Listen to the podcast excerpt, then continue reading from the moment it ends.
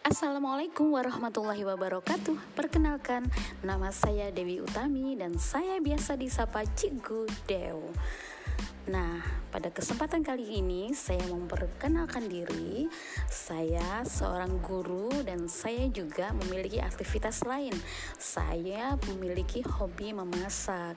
Nah, karena hobi memasak saya memiliki sebuah warung makan yang saya sebut dengan warung makan Cik Gudeo. Di sana saya ada beberapa menu dan menu itu memang khas dari Jawa Timur yang sudah saya pelajari dari kecil.